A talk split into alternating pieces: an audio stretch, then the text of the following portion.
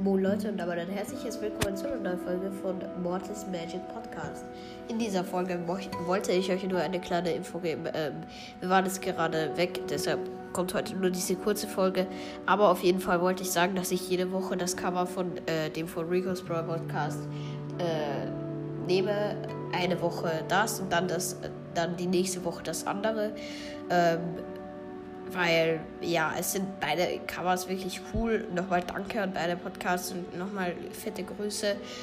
Ähm, ja, auf jeden Fall wechsle ich jetzt jede Woche die Covers. Ich hoffe, das verwirrt euch nicht zu sehr, aber auf jeden Fall, ja.